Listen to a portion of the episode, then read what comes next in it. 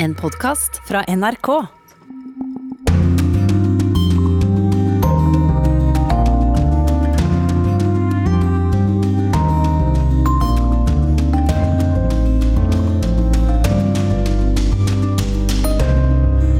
Velkommen til denne romjulsutgaven av Urix på lørdag. Følger du med videre, så kan du få med deg litt om situasjonen i Midtøsten, og de siste nyhetene om vaksinene. Kanskje forklaringer på hvorfor vi har sett noen kraftige bivirkninger. Men i det store og hele vil sendingen være et tilbakeblikk på året som gikk. Du skal få et gjenhør med et knippe reportasjer som vi har sendt. Så vær med, dette blir bra. Ja, vi begynner altså med Midtøsten. Det er noe som kan være i ferd med å skje. Jeg har med meg utenriksansvarlig på desken her i NRK nå, Eirik Veum, og, og du har publisert en sak om en angrepsubåt. Forklar. Ja, lille julaften så la den amerikanske marinen ut bilder av USS Georgia. Det er en atomdrevet ubåt som var da på vei inn i Persiabukta. Det er åtte år siden sist USA eh, sendte en slik eh, atomubåt inn i dette området. Og For å si litt om hva dette er, da. Georgia det er et slagskip under vann. 170 meter lang. Den kan ha opptil 154 raketter om bord, med en rekkevidde på 160 mil. Det er Oslo-Milano. Ehm, den kan skyte raketter i alle retninger. Eh, denne ubåtklassen kan også ha atomvåpen om bord. Mannskap på 160, i tillegg så kan de ha 70 spesialstyrker. Altså, USA vil jo med dette da sende et signal. De sier seg selv at, at Georgia er et, er, er et, av de ypperste atomdrevne ubåtene de har, men de sier selv at dette skal sikre stabiliteten i området. Men ser vi bakover, f.eks. til våren 2017. Da gjorde USA akkurat det samme. Da kom en annen atomubåt til Sør-Korea.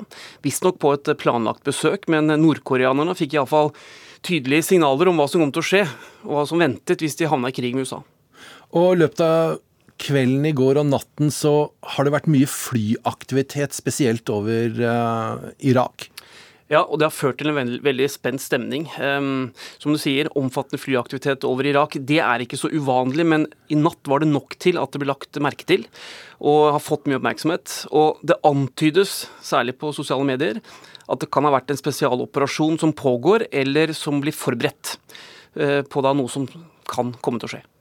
Så dette kan ikke være opptrappingen eller klargjøringen til en storstilt krig der, angrep på Iran, noe sånt noe? Vanskelig å si, vi vet ikke. Men 3. januar så er det ett år siden USA likviderte den høytstående iranske generalen Qasem Soleimani. Noen mente jo da at det var et smart trekk. Andre eh, slo fast at dette var en vanvittig handling utført på ordre fra Donald Trump, og som kunne føre til økt risiko for storkrig i Midtøsten. Iran har jo lovet hevn.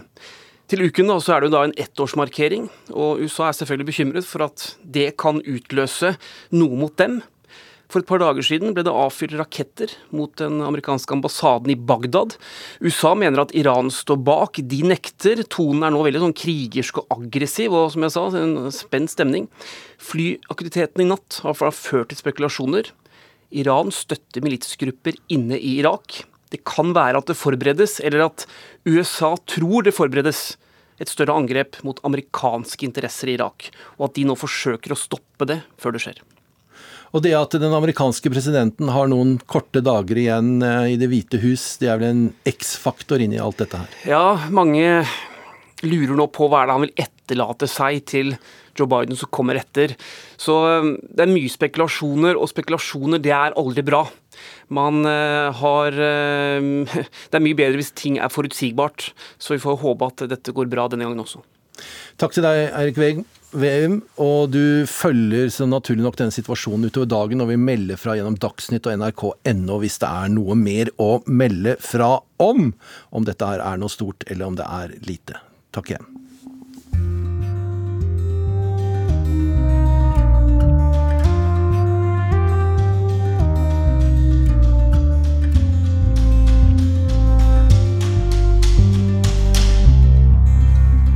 Og Vi skifter eh, tema her på Urix på, i Urix på lørdag. og vel, Velkommen til deg, Gunnveig Grødland. Du er vaksineforsker ved Universitetet i Oslo. Vi går hopper rett inn her nå. Det handler om vaksinene, og det, har kommet kraftige allergiske reaksjoner. Mange meldinger om det. Kan det stoppe utrulling av vaksinen nå? Eh, det kan gjøre det vanskeligere, men det er såpass viktig å få på plass denne vaksinen. Og vi kan eh, ha gode strategier tilgjengelig for å hindre alvorlig utfall i hvert fall av allergi. Så det vil forhindre det, men ikke ødelegge det. Altså eller stoppe det. Det, det vil det forsinke det, gjøre det mer komplisert, men ikke stoppe det. Det er ja. konklusjonen. Ja. Um, et navn nå som er litt vanskelig å få gjennom munnen, men polyetylenglykol er noe som har dukket opp i de siste dagene. Kan ikke du forklare meg hvorfor det er aktuelt nå? Jo, det kan se ut til at eh, polyetylenglykol er en av de substansene som muligens forårsaker eh, allergi i flere individer enn det vi hadde antatt. Det er egentlig litt pussig, fordi eh, polyetylenglykol, eller PEG som man vanligvis kaller det, finnes i en rekke matvarer, drikker og i mye kosmetikk som omgir oss til daglig. Eh, men så kan det være at nettopp det at det omgir oss så mye til daglig, gjør at du vil få en ekstra allergisk eh, reaksjon når du får det gjennom vaksinen. Det vet vi ikke ennå, men det er i hvert fall grunn til å følge det nøyere opp framover. Ja, for Tankegangen er at kroppen har dannet antistoffer til denne polyetylenglykolen, og når den da kommer i vaksine, så kommer en kraftig Eh, reaksjon. Så kommer det en kraftigere respons fram, ja. Eh, men det som er interessant, er egentlig hvorfor kroppen oppfatter dette som fremmed i det hele tatt. Fordi gjennom disse eksponeringene som du skulle ha fått gjennom matvarer og kosmetikk og lignende, så skulle immunsystemet ha blitt liksom trent opp til å gjenkjenne dette som ikke noe farlig. Eh, men det ser ut til at det ikke da har skjedd hos flere, og da må man jo finne ut hvorfor. Altså Nå ligger det da an til, hvis disse tallene er det samme, og med lett hoderegning, at vi vil kunne få kanskje 80 slike tilfeller i Norge. Nå skal ikke du gå god for denne utregningen fra en journalist, men 80 slike tilfeller i Norge hvis vi vaksinerer 4 millioner eh, mennesker. Kan vi greie å identifisere de som er i fare for å få en slik kraftig reaksjon, hvis det er det polyetylenglykol som er skylden? Eh, det er sånn at du kan ta en sånn prikktest eh, på huden. Eh, det har blitt gjort før, Og identifisere om du faktisk får en allergisk reaksjon. Man vil òg kunne se på antistoffer i serer, som du var inne på, men det er grunn til å tro at du kan ha flere som har antistoffer, enn de som faktisk er allergiske eller vil få en allergisk reaksjon. Så jeg tenker en kombinasjon av de to er det man burde se på.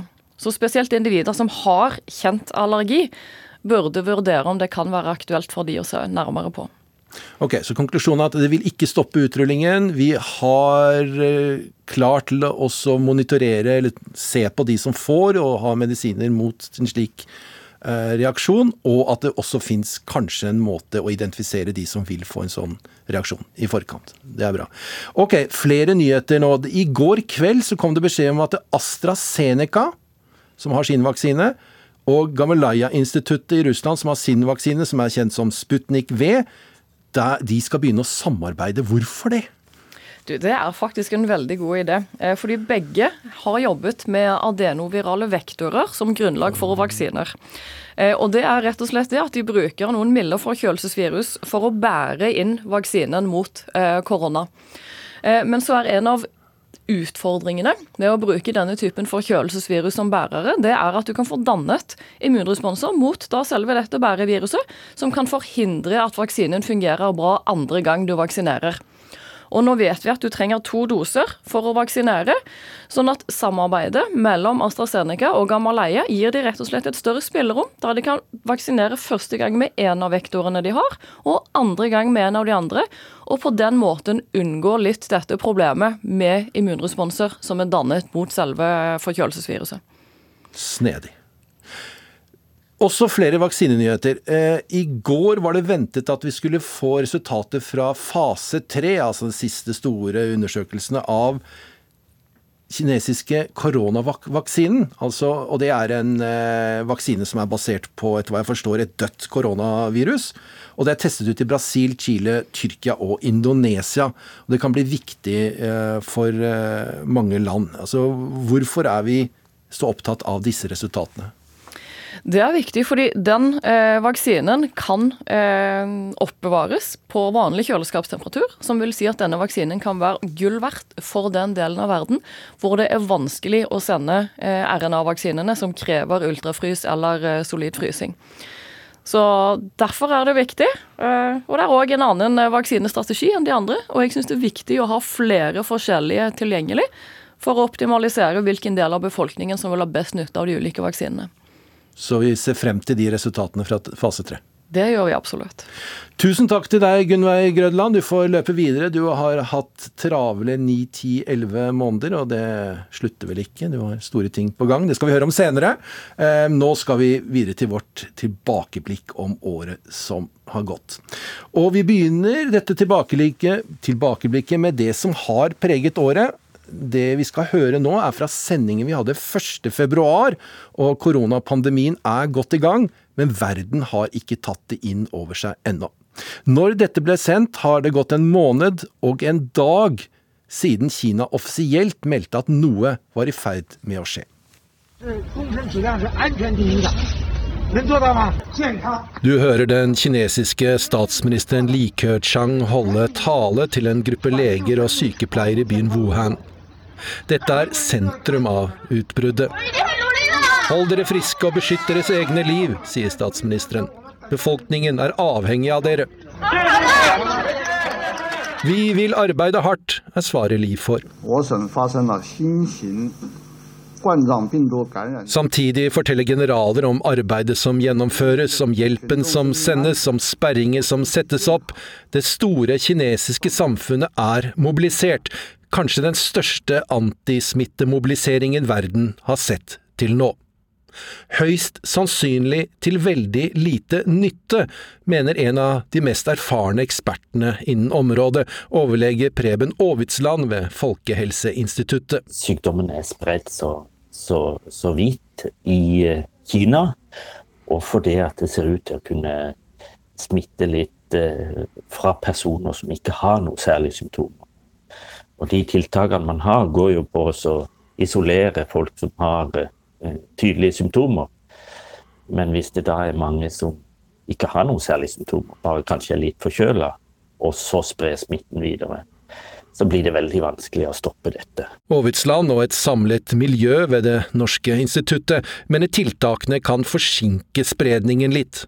At det er bra, for da får helsesystemene i verdens land litt mer tid på seg men at hva som vil skje, er mer eller mindre gitt. We have confirmed the first uh, of uh,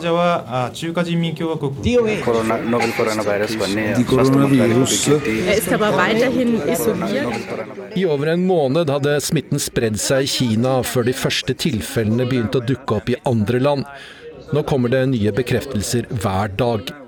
De enkelte land har høy beredskap, smittede blir fanget opp. Men dette vil ikke holde, forteller Aavitsland. Men eh, etter hvert som tida går, så, så risikerer man jo før eller senere at noen sånne tilfeller glipper. Og så starter spredning eh, ute i samfunnet. Og, og, og, det er vel det scenarioet man ser for seg i, i månedene fremover. At eh, etter hvert vil eh, viruset eh, ramme flere land, og det blir spredning ut i samfunnet i flere land. Pandemics have occurred throughout human history. Some have left scars on the tissue and bone of their victims. Viruset vil altså i all sannsynlighet bli en pandemi, altså pan, alle, og demos, folket, alle folk. Ja, og vi spoler eh, flere måneder frem fra denne reportasjen ble sendt 1.2, helt fram til slutten av mai, faktisk. Ufattelig mye har skjedd. Vår egen Tove Bjørgaas skal tilbake til USA, landet hun forlot under det som må kalles dramatiske omstendigheter et par måneder i forveien. Verden er endret.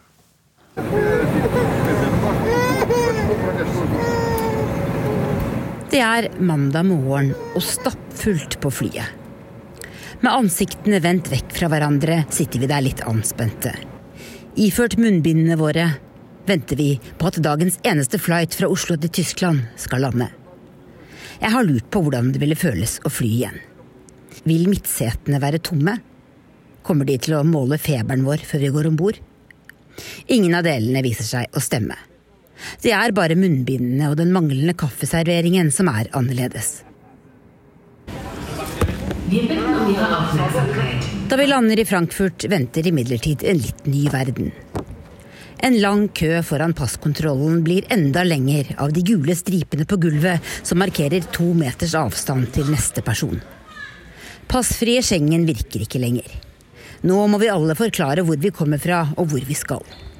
Jeg skal helt til Washington med munnbindet mitt. Det er litt sånn rart å snakke gjennom et munnbind. Det er akkurat som man ikke kan stille spørsmål. F.eks. til liksom på å kontrollere pass eller andre. Det er liksom litt vanskeligere å spørre om ting. Du kan ikke smile, ikke sant. Men nå ser jeg gate Z20. Og derfra skal flyet til Washington gå. Og det er det eneste flyet som går til Washington fra en flyplass i Europa akkurat nå. Ved gate Z20 står navnet mitt på en liste over de som ikke får gå om bord i dag. Jeg viser fram det spesielle visumet jeg har fått fordi sønnen min er amerikansk statsborger. Og etter et par spente minutter blir navnet mitt strøket fra lista.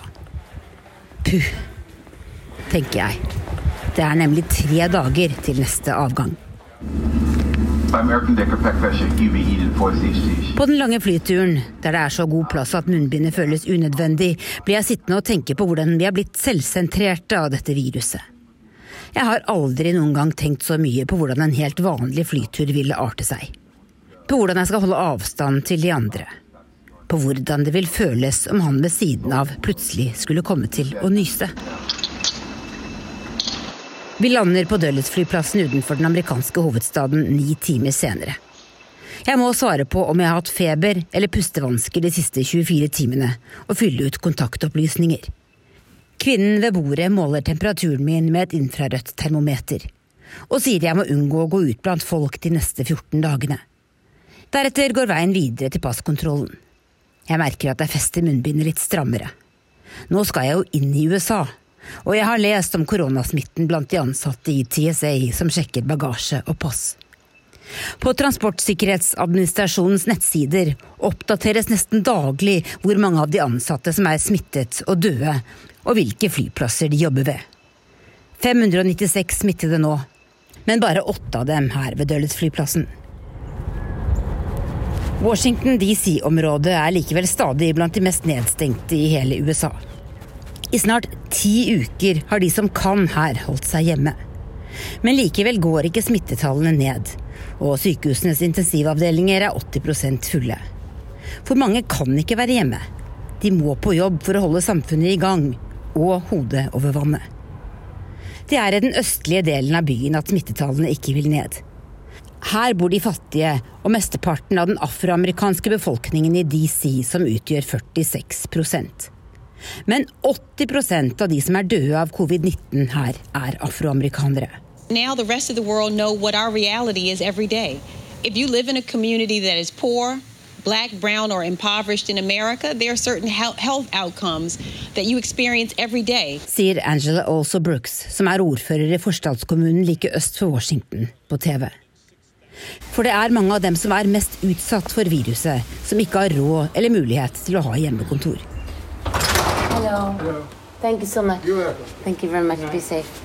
Mannen som kommer på døra for å levere kofferten min som ikke kom fram i tide, er afroamerikaner. Og når jeg neste formiddag sitter på porchen foran huset, ser jeg tydelig hvordan et nedstengt Washington DC ser ut.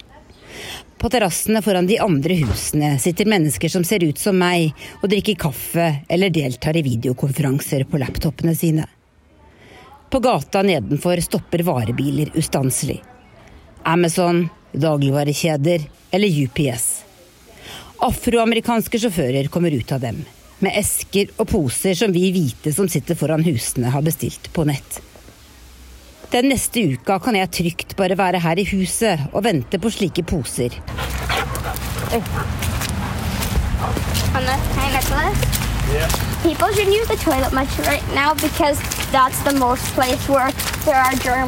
Eller gå tur i skogen med sønnen min og broren hans.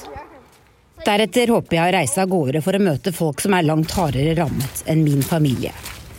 Men før jeg kommer så langt, vet jeg én ting med sikkerhet. I løpet av de neste dagene vil mer enn 100 000 mennesker ha mistet livet i koronapandemien her i USA. Tove Bjørgaas der og hennes møte med USA igjen etter å ha vært i Norge noen måneder pga. koronapandemien. Vi skal til Sissel Wold. Hun har også hatt en lang, lang reise gjennom koronaen. En reise som begynte for henne i Iran. Hun var i landet på reportasjetur om noe helt annet da viruset kom. Jeg går mot heisen i hotellobbyen og må huske på å ikke røre noe. Skal vi se, i denne heisen her så må vi jo Vi må trykke på tolvte etasje. Og da bruker jeg sjalet mitt, sånn at jeg ikke tar på knappen med hendene. Men den skumleste knappen er nok ground floor, den som går ned til lobbyen, for den trykker jo alle på. Going down? Tre hotellgjester kommer inn på vei ned, og vi står alle som saltstøtter i hvert vårt hjørne for å unngå å komme borti hverandre. Vi håper at ingen kommer til å hoste nå. I heisen står en ny pakke Kleenex, så folk kan bruke papir når de trykker på heiseknappene. Det er høyst uklart hvor mange som er smittet og har dødd i Iran. Det offisielle tallet er under 30 døde, og under 300 skal være smittet. På en kafé i Teheran treffer jeg Ati og Yasamin, begge i 20-årene. Som alle her snakker også de om koronaviruset. For for me, it's like every uh, cold or influenza that you can get. You should just be careful. Jeg er ikke så veldig bekymret. Korona er som en vanlig forkjølelse eller en influensa. Men jeg gjør det jeg kan for å ikke bli smittet, sier Ati, som vasker hendene hele tiden. I wash my hand a lot. And do you think that you get enough information from the government? Uh, no, but I get it like from. Jeg får ikke nok informasjon fra myndighetene. Men jeg går på sosiale medier og hører siste nytt fra venner. Actually, I know it's like any other crisis that we've been through, but they say since we don't get uh, proper uh, information about it through our media Jeg er redd, for siden vi ikke får god nok informasjon fra våre statlige medier, må jeg finne fakta andre steder, som på sosiale medier. Vi får mye informasjon, men kanskje ikke sannheten, mener Yasamin. Hun er bekymret for foreldrene sine, for de er over 60 år. Sist mandag stilte Irans visehelseminister opp på statlig TV, tydelig syk. Han tørket seg med en papirserviett på pannen og hostet flere ganger. Mandag sa han at koronaviruset ikke var så farlig, og at massekarantene var unødvendig. Dagen etter gikk nyheten verden rundt. Visehelseministeren selv hadde fått korona. Og torsdag spredte nyhetene seg om at sju toppolitikere var smittet i Iran. Den kjente reformisten Mahmoud Sadeghi tvitret koronatesten min var positiv. Jeg deler beskjeden om at jeg har lite håp om å overleve. Sadeghi er en veteran fra Iran-Irak-krigen, og lungene hans er skadet etter gassangrep fra da. En annen er bydelsordføreren i Teheran, og en tredje visepresident Masume Ebtekar, som var tidligere talskvinne for gisseltakerne som tok gisler i USAs ambassade i 1979. I hotellresepsjonen møter jeg legen Reza Shahrami, som jobber med smittede koronapasienter nå. Uh, there are many uh, members of the government in Iran who has corona. Do you, th do you think that's right? Mm. I don't know. It's, it's uh, strange, but uh, maybe. But ja, det er veldig rart at så mange politikere står frem med smitten samtidig. Har de plutselig tatt testene, spør han med et smil. Skeptikere tror politikerne går foran for å vise at det går an å leve med viruset, enten de er smittet eller ikke, for å hindre panikk og hysteri. Enn så lenge vasker vi alle hendene våre hver time, lar være å håndhilse og bruker albuen for å trykke på heisknappene.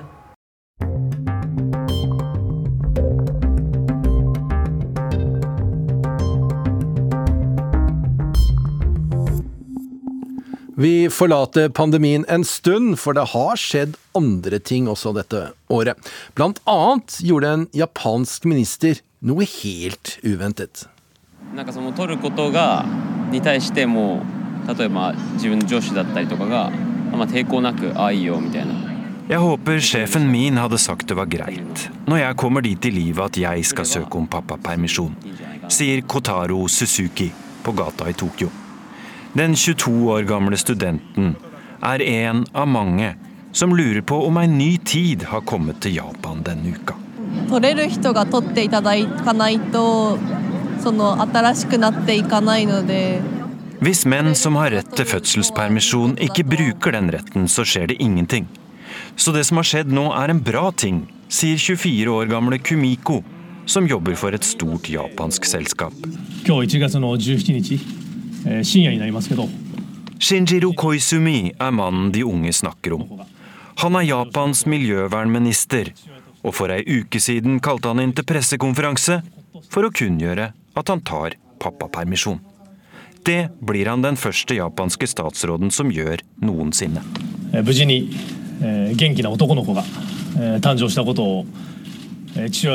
Det ble en gutt. Alt står bra til med mor og barn. Sjøl var jeg så heldig å få være med under fødselen, sier Koizumi. Kona hans er TV-kjendis. Faren hans har vært statsminister før. Og sjøl er han ei stigende stjerne i japansk politikk. En statsleder for framtida, er det mange som spår.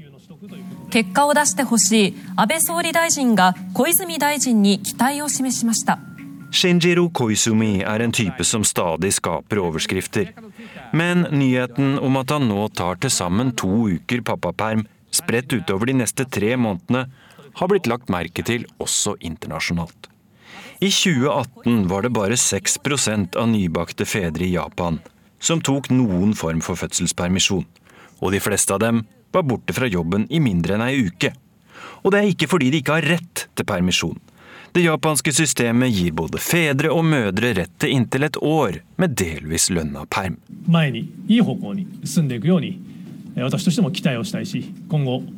いい方向に進んでいくようにえー私としても期待をしたいし今後えーしっかり行動をしていきたいと考えています Jeg skjønner at jeg får kritikk ettersom dette ikke er så vanlig ennå, men jeg håper det kan endre seg, sier Koizumi til japanske medier. Onde tunger hevder at han tar pappapermisjon bare for å få oppmerksomhet og for å bli enda mer populær. Japan er verdenskjent for skyhøyt press i arbeidslivet. Men samtidig tar 82 av kvinnene fødselspermisjon. 私の周りではと男性が育児休暇を取ったっていう話も聞いたことがないので Jeg har aldri hørt om noen som har tatt pappapermisjon før, sier en middelaldrende dame på gata til BBC. 取るなんて考えもしなかったんで Dette var umulig for 30 år siden, sier en annen. あの任せてました Ettersom japanske mødre er så flinke, så har vi overlatt det til dem, ler en eldre velkledd mann.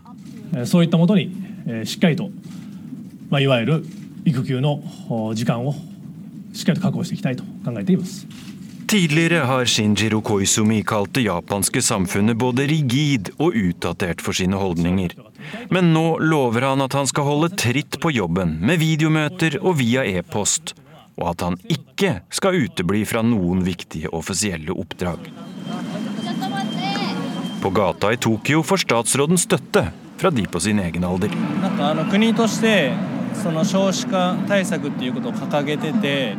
Vi sliter med lave fødselstall og må gjøre noe med hele stemningen rundt disse spørsmålene, sier en mann i 30-åra. At noen i en myndighetsposisjon går foran og viser vei, er bare helt fantastisk, istemmer en annen. Tore Moland eh, der. Vi skal til Jan Espen Kruse, vår mann i Moskva. Pga. pandemien har han ikke vært der hele tiden, men å fortsette å gi innblikk i det som skjer i Russland, det har han greid. For vi i utenriksredaksjonen har i dette året tatt i bruk de tette båndene vi har med folk i de forskjellige landene som vi har vanskelig for å få tilgang til nå under pandemien og vi bruker disse båndene til å få ut nyheter, som f.eks. om overvåking i Moskva. В январе этого года власти Москвы э, без всякой шумихи, без огласки запустили систему распознавания лиц. I den russiske hovedstaden er det overvåkingskameraer på busstopp, på bygninger, ved innganger og på metroen, forteller NRKs russiske fotograf Juri Linkevitsj, som er på en runde i nærheten av der han bor. Ifølge myndighetene i Moskva ble kameraene utplassert for å bekjempe kriminalitet. Nå skal det finnes om lag 170 000 overvåkingskameraer i hovedstaden, og flere skal det bli. I fjor ble det tatt i bruk et dataprogram som kan gjenkjenne ansikter. Og det bruker nå myndighetene til å avsløre folk som bryter karantenereglene i den russiske hovedstaden. NRKs fotograf sier at moskovittene praktisk talt overvåkes døgnet rundt.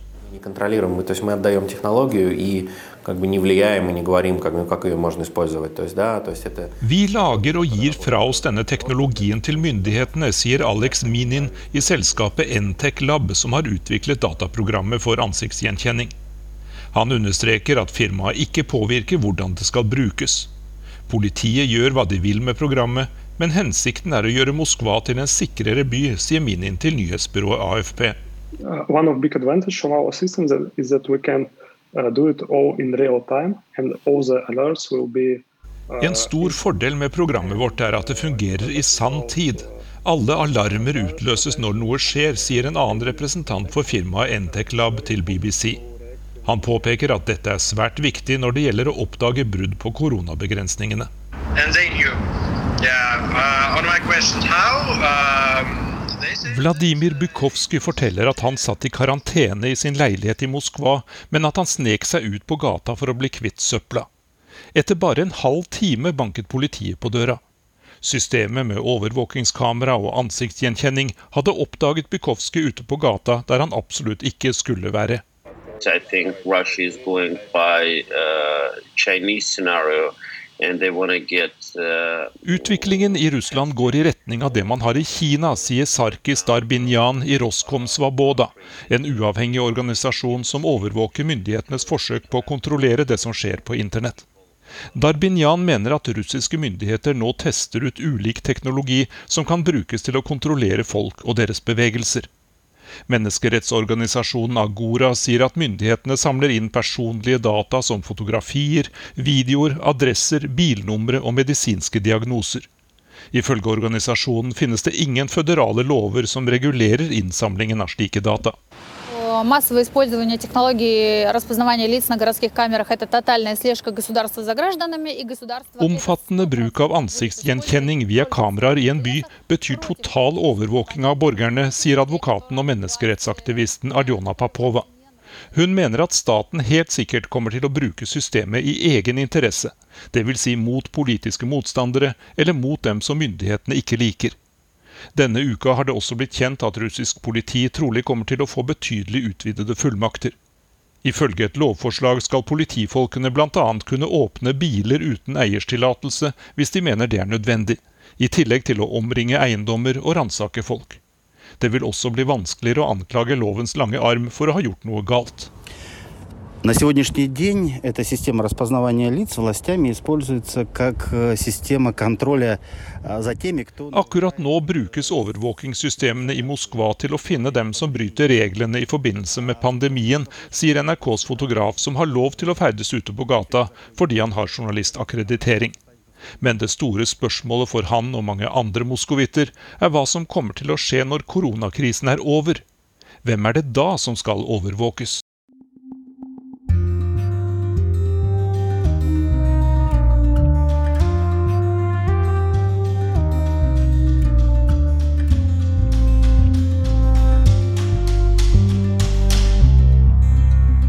Ofte bruker vi i utenriksredaksjonen lang tid på å planlegge større prosjekter og kompliserte prosjekter, ofte litt farlige prosjekter.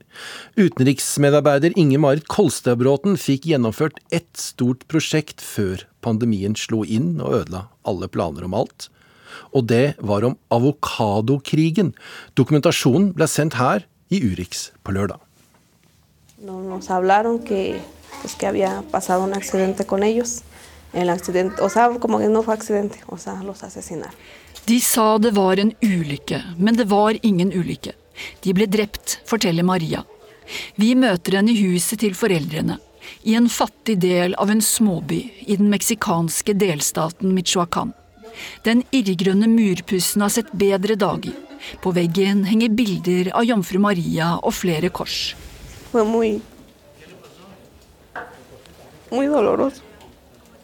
Hun vet nå hvor farlig avokadobransjen har blitt. Derfor bruker vi ikke hennes virkelige navn i denne saken. Maria glemmer aldri dagen for snart to år siden. Mannen hadde som vanlig dratt på jobb, sammen med en gjeng avokadoplukkere. Så ringte telefonen. De sa at noe hadde skjedd.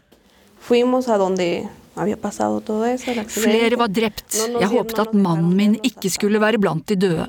Men slik var det dessverre ikke, forteller hun med tårer i øynene. Sju avokadoplukkere ble skutt og drept den dagen.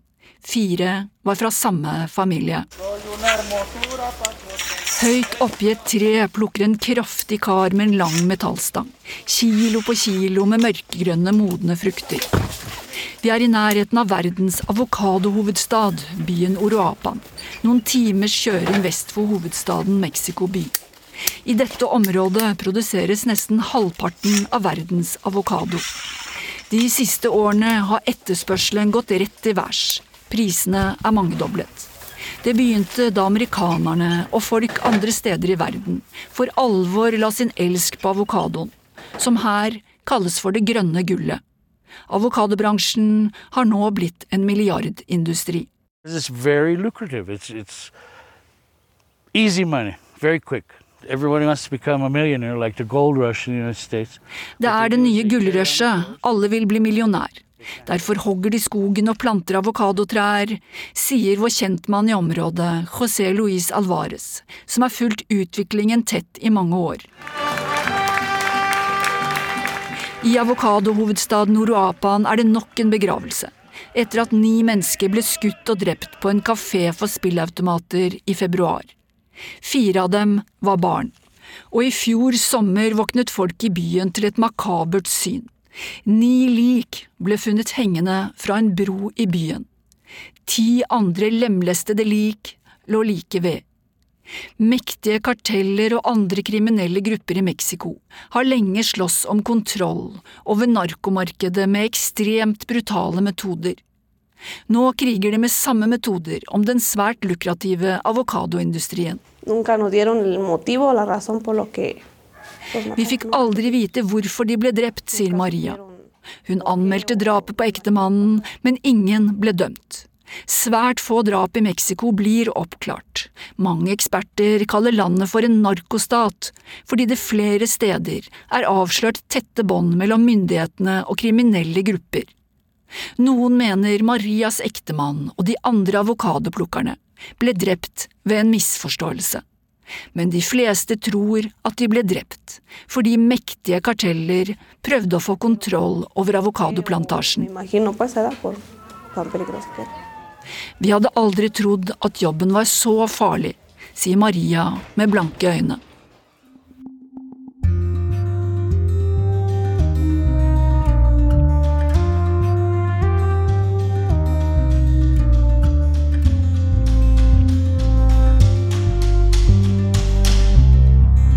Ja, vi hørte Inger-Marit Kolstadbråten der om avokadokrigen. Nå om filmen De elendige, eller Les Miserables. Det er jo også en kjent roman. Men den filmen, den kom omtrent da pandemien også begynte. Og vi rapporterte om det her i NRK. Marit Kolberg rapporterer.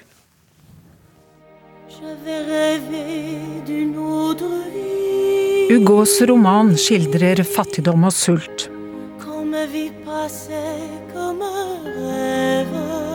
Musikalen gjorde romanen enda mer kjent. Nå har en fransk film fått samme navn. Donc en train de m'expliquer quoi C'est un accident Les petits nous lâchent pas depuis tout à l'heure. C'est pas de votre faute. Comme d'hab quoi. Også her foregår handlingen i drabantbyen Montfermeil utenfor Paris, der deler av den berømte romanen også finner sted. Mer enn 100 år senere er miseren fremdeles til stede, sier regissøren. Derfor har han kalt filmen Le Miserable, eller de elendige på norsk. La misère, la misère, bah, elle. La misère, elle... Regissøren Laj Lee sier politikeren har oversett problemene i de franske forstedene i årevis. Skolene der er en katastrofe. Tilskuddet til sosialarbeid er skåret inn til beinet, og filmen er et rop om hjelp, sier han. Det er Filmen fikk juryprisen under fjorårets filmfestival i Cannes. Regissøren har selv vokst opp i Montfermeil, som er en av de mange fattige forstedene som ligger rundt flere av franske byer. Her er det ikke mye å klappe for. I filmen treffer vi korrupte politifolk, islamister, fortapte barn og narkotikabander. I disse forstedene ligger det offentlig nedslitte boligblokker med mange innvandrere fra forskjellige land. Høy arbeidsledighet, fattigdom, kriminalitet, vold og uro og lovløshet. Med jevne mellomrom har franske politikere tatt til orde for å sette inn tiltak i disse forstedene for å bedre livet der. Mest kjent er kanskje besøket av daværende innenriksminister Nicolas Sarkozy. Han kom til Argenteuil utenfor Paris i 2005. Han ville fortelle om renovering av bydelen, men ble møtt med skjellsord og steiner.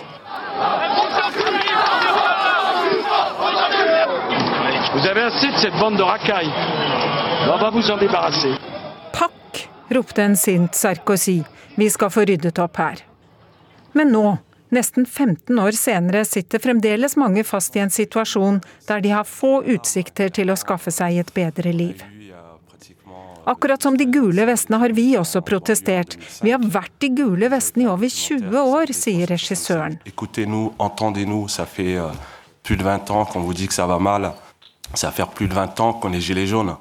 Og fremdeles er det lite som ligger til rette for å få oppfylt drømmen om et annet liv.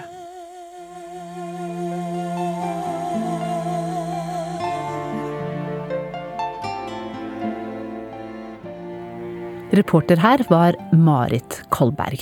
Og vi skal holde oss til denne filmen og i Frankrike. Velkommen til Urix på lørdag. Ja, og det var jo da beviset på at vi viser tilbakeblikk her nå fra året som gikk. Da fikk du en lite klipp fra sendingen da akkurat denne om Les Miserables gikk på lufta, altså. Så de reportasjene du hører, det er ikke om akkurat dagens situasjon, men det er om det som skjedde da vi sendte det. Det er ideen med tilbakeblikk. Vi ser på året 2020. Og en som virkelig har vært med i 2020, det er Roger Bruland, vår bokstavelig talt kjørende reporter i Europa. Og han har vært til stede der pandemien har dukket opp og gått ned, og dukket opp og gått ned, og har gjort lagd problemer etter hvert. Og han var i Tsjekkia da den andre bølgen startet. Ser du at jeg smiler nå? Ja.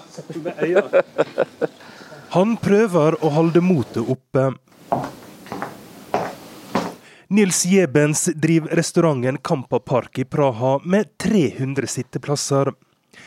150 ansatte går nå ei usikker framtid i møte. Styresmaktene stenger alle uteplasser i en måned for å få bukt med et massivt koronavirusutbrudd. Ja, her er det tomt. Nå, her er det jo, nå har vi jo tatt bort eh, blomster og stearinlys og bestikk og Jebens er tidligere marinejeger og har drevet kasino i Austerrike. Han er ikke redd for ei utfordring, men dette overgår det meste. Jeg har drevet dette her i 25 år, og, og jeg begynner å nærme meg kanskje litt slutten av karrieren. og Det var vel kanskje ikke det jeg hadde forestilt meg, at jeg, at jeg må starte på nytt igjen kanskje til våren.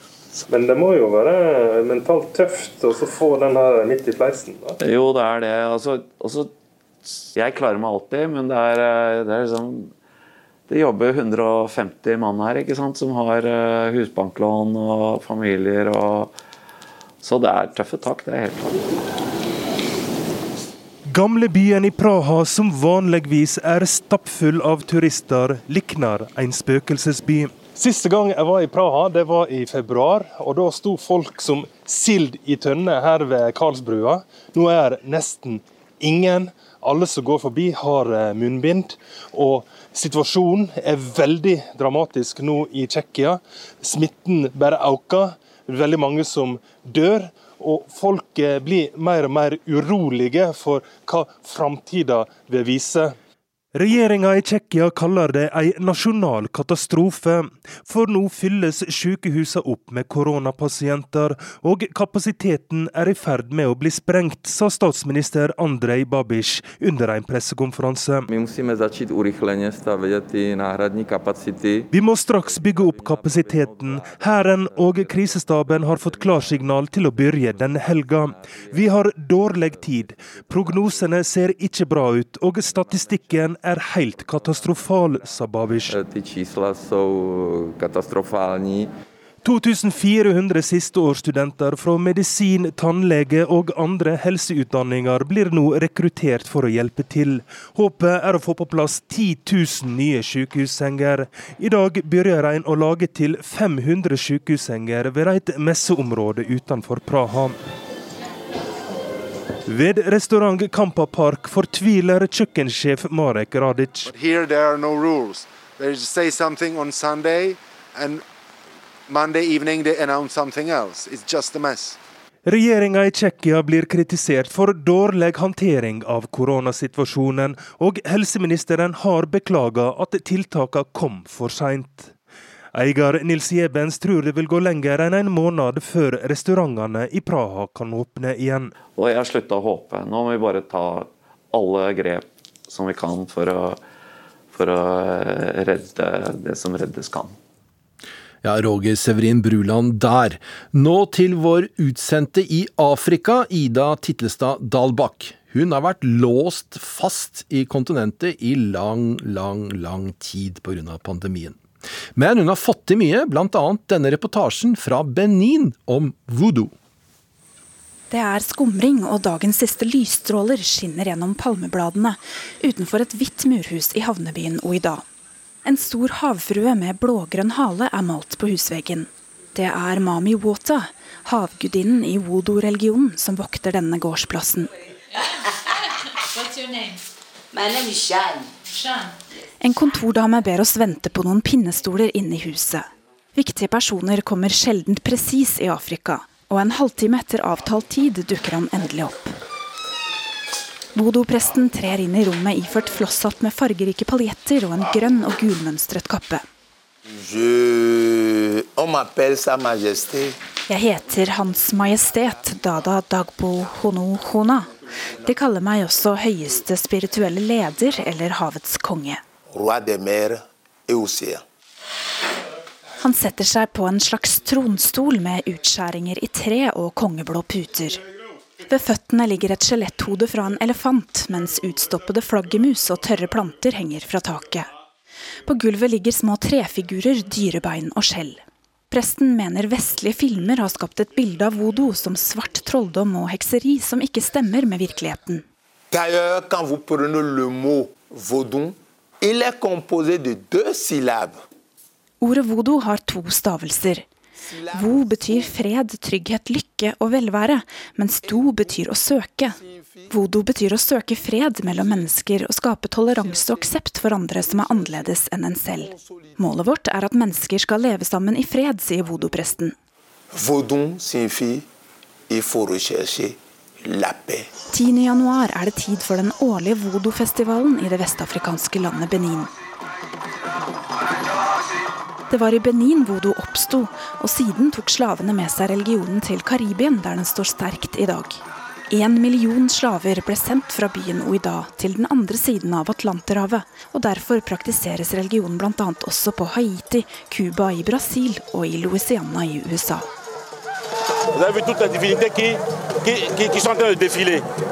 I gatene kan du se de fire guddommeligheter som representerer elementene.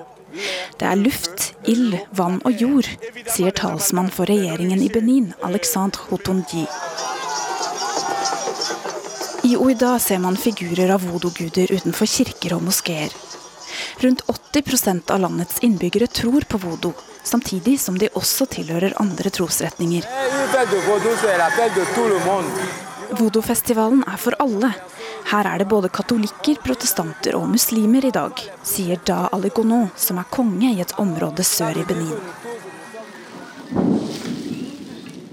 Det tordner utenfor vodoprestens mottagelsesrom. Han har snakket ustanselig uten at vi har fått lov å avbryte, men nå er vår tid med Hans Majestet snart over. Før han avslutter, sier han at det er viktig å minnes tradisjonene til dem som ble sendt som slaver til Amerika og Karibien.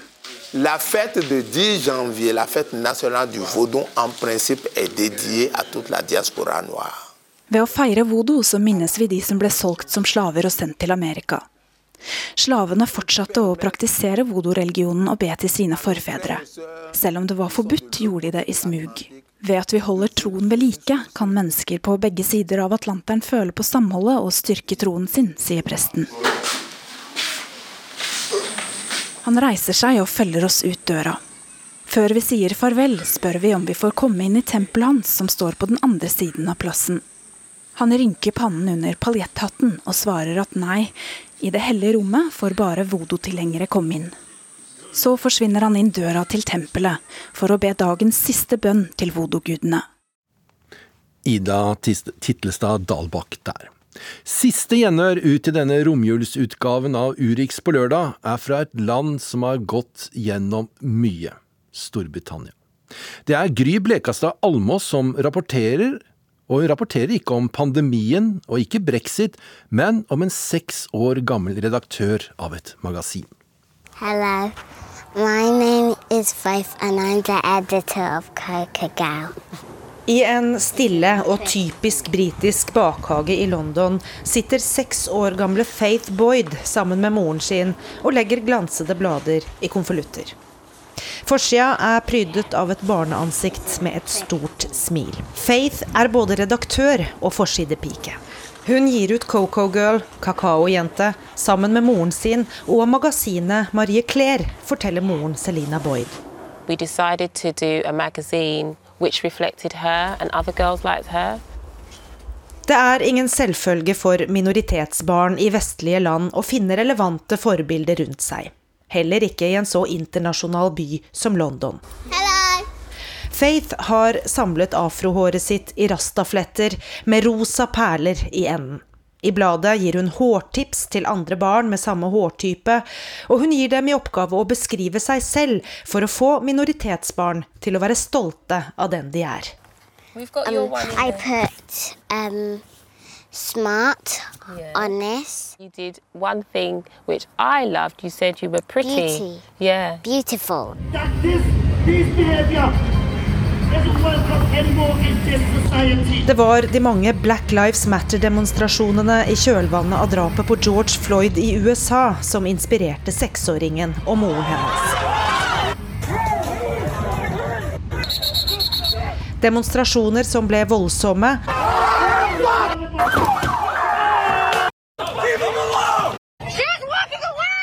og der politivolden som folk protesterte mot, gjentok seg gang på gang og avdekket et systematisk samfunnsproblem som ofte rammer den svarte befolkningen.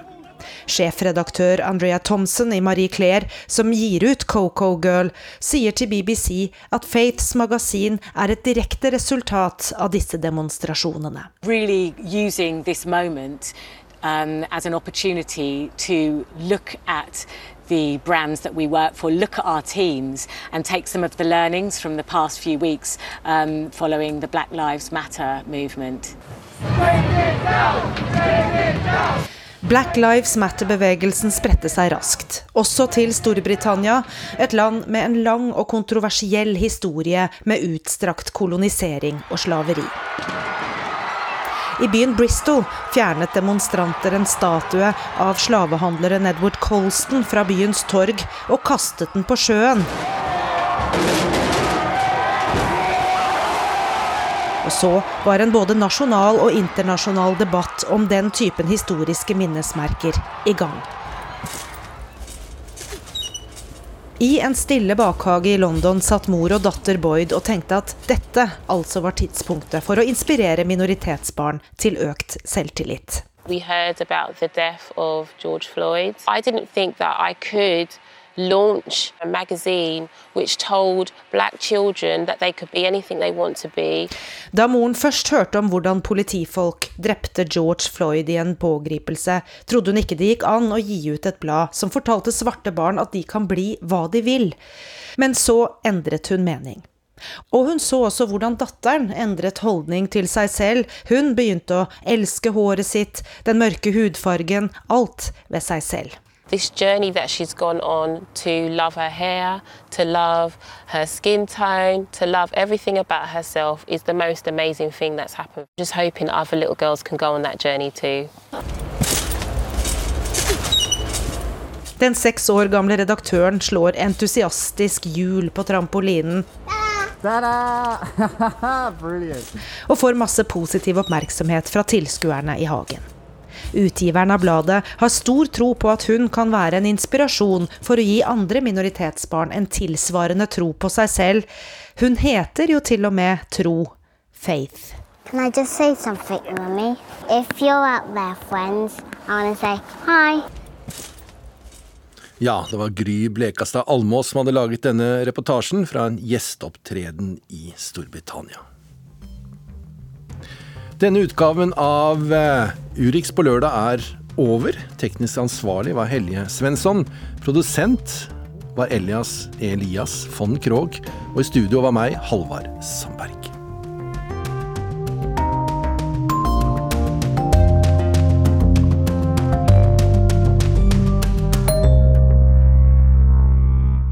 Du har hørt en podkast fra NRK. Hør flere podkaster og din NRK-kanal i appen NRK Radio.